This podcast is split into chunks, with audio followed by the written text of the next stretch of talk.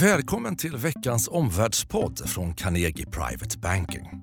Det är 21 december, klockan är 11 och 10. Eh, sedan vi pratades vid senast och spelade in för en vecka sedan så har det, marknaden handlat om Peak Butik, omställningen till e-handel, hm aktiens fall. Det vi fokuserar på idag är ju tre analyser som vi gör på 10 minuter som har konsekvenser för dig som privatinvesterare. Först ut, Riksbankens räntebeslut. Vad gör Ingves och varför? Därefter skattesänkningarna i USA. Vad blir konsekvenserna för investerare? Och sist, geopolitiska risker för nordiska investerare 2018. Vad toppar listan? Helena, spänningen var ju stor inför Riksbankens möte igår. Kronan har fallit och inflationen har samtidigt nått målet. Vad blev beslutet och vad överraskade? Ja, de beslöt ju precis som väntat att behålla räntan på minus en halv procent, fortsatt stimulans åt ekonomin. De behöll också sin räntebana, som då innebär försiktiga räntehöjningar från mitten av 2018. De beskrev positivt svensk ekonomi och omvärlden. De betonar då intressant att Sverige nu har den högsta sysselsättningsgraden inom EU och att styrkan i Europas konjunktur lyfter svensk ekonomi och att inflationen då till deras glädje nu tros ligga på målet de kommande åren. Mm. Hur blir det då med obligationsköpen som ju är den andra viktiga pelaren i den här lätta penningpolitiken? Ska de avslutas till årsskiftet eller kommer de förlängas? Officiellt så förlänger de inte stimulansprogrammet, men, men de fortsätter att göra återinvesteringar, dels av obligationer som förfaller, och det är ett stort belopp som förfaller 19, hela 50 miljarder. Men de återinvesterar också de obligationskuponger som de får utbetalda och det handlar om 15 miljarder. Och då tidigare lägger man de här återköpen som Ingves säger de vill smeta ut återinvesteringarna med start redan i början av 2018. Så summa summarum, så i praktiken fortsätter de faktiskt att köpa obligationer ganska mycket. Takten faller från ungefär en och en halv miljon per vecka i obligationsköp till 1 miljon per vecka. Min bedömning är att det här är överraskande stora stimulanser även under nästa år. Mm. Intressant, du lyssnade på presskonferensen. Eh, vad tog du med dig som intressant för investerare? Ja, en formulering som sticker ut både i pressmeddelanden och upprepas på presskonferensen och det är att Riksbanken är angelägen om att ha närvaro på obligationsmarknaden.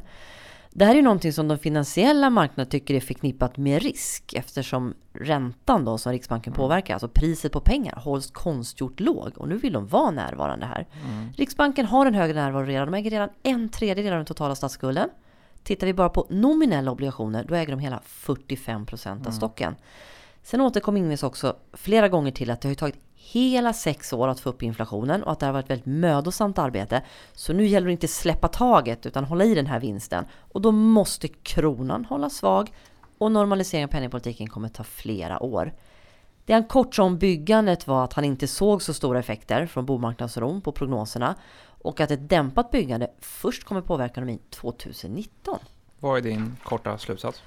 Eh, Ingves är en duva, kommer fortsätta spegla ECB starkt stöd till en fortsatt stark, redan stark ekonomi. Men fortsatt sannolikhet för en svag krona. Vilket är ologiskt i den starka världen. Men risk för fortsatt svag krona. Tack Helena. Ja, Henrik, skattesänkningen i USA har ju nu röstats igenom efter ett kompromissande mellan senaten och representanthuset. Ett hårt skattesänkningspaket i tomtens säck i USA blev det, men vad blev innehållet?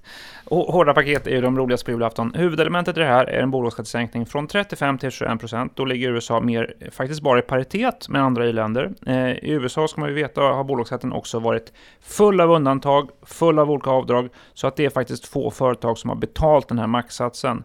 Eh, nu sänks skattesatsen samtidigt som då också en del avdrag eh, försvinner. Mm. De, de, de, flesta, om vi tittar på hushållssidan, de flesta amerikaner eh, får också då en, en, en måttlig skattesänkning. Eh, samtidigt som också här en del avdrag försvinner. Eh, notera att lättnaderna för företagen, för bolagen är permanenta, för hushållen är de tillfälliga fram till 2025. Annars hade reformen inte klarat av kongressens budgetregler. Mm. Du som följer med skattesamtalen, vad blir effekterna på amerikansk ekonomi och på omvärlden? De bör ha en stimulanseffekt också i dagens goda ekonomiska miljö.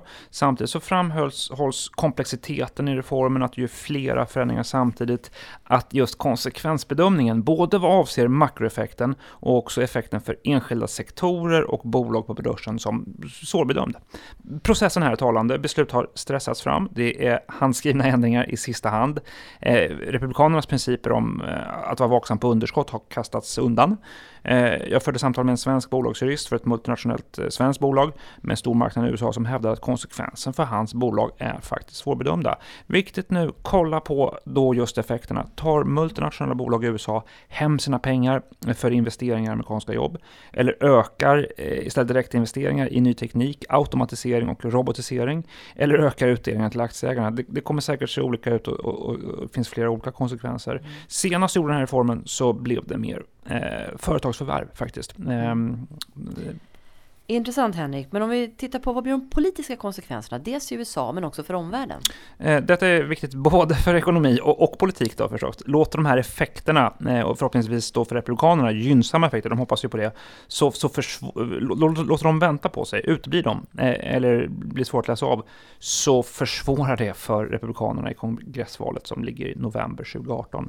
Kolla också på globala spridningseffekter. Kommer Macron sänka bolagsskatten? Gör Nederländerna det här? Gör Storbritannien detta? Ja då brukar faktiskt också Sverige ta rygg med det här. Marknader, små marknader i periferin har egentligen större drivkrafter än stora länder med eh, stora hemmamarknader till en låg bolagsskatt. Och dina kommentarer på det här Elena, vad säger du? Det var små marknadsreaktioner. Det var ganska väl inprisat de här skattesänkningarna. Man undrar vad som ska överraska positivt. Mm. Men man ska komma ihåg att Trump levererar faktiskt vallöfte efter vallöfte nu. Lite avregleringar, nu kommer skatterna, man pratar om infrastruktursatsningar i januari. Mm. Tänk också på, på längre sikt, skuldökningen. Gällen beskrev det ju som att man nu gör ett stort problem större. Idag bryr sig inte investerarna, men det kan dyka upp i ett längre perspektiv. Mm. Så en kort sammanfattning kan ju vara det att ja, eh, viss stimulanseffekt 2018, eh, samtidigt som blir den svårbedömd på grund av komplexiteten i reformen. Absolut. Henrik, vi går mot årsskift och du följer ju den globala politiska scenen ur nordiska investerares perspektiv. Och jag vet att du har listat topp tre-riskerna. Nu undrar vi alla, vilka är de? Man ska ha eh, viss distans till listor här, det, det är svårt. Men för, för, att starta tankeprocessen kring detta eh, och starta ett samtal om det så kan man ju peka på, ja, jag tror att det är viktigt för nordiska investerare att ett, fortsätta hålla koll på processen kring Trumps eh, utrikes och handelspolitik. Eh, förstås relationen mellan världens två största ekonomier, Kina och USA. Förstås också eh, Trump och NAFTA-avtalet. Det, det, det, finns en ja, eh, grundläggande oförutsägbarhet kring Trump. Det är mycket distraktioner.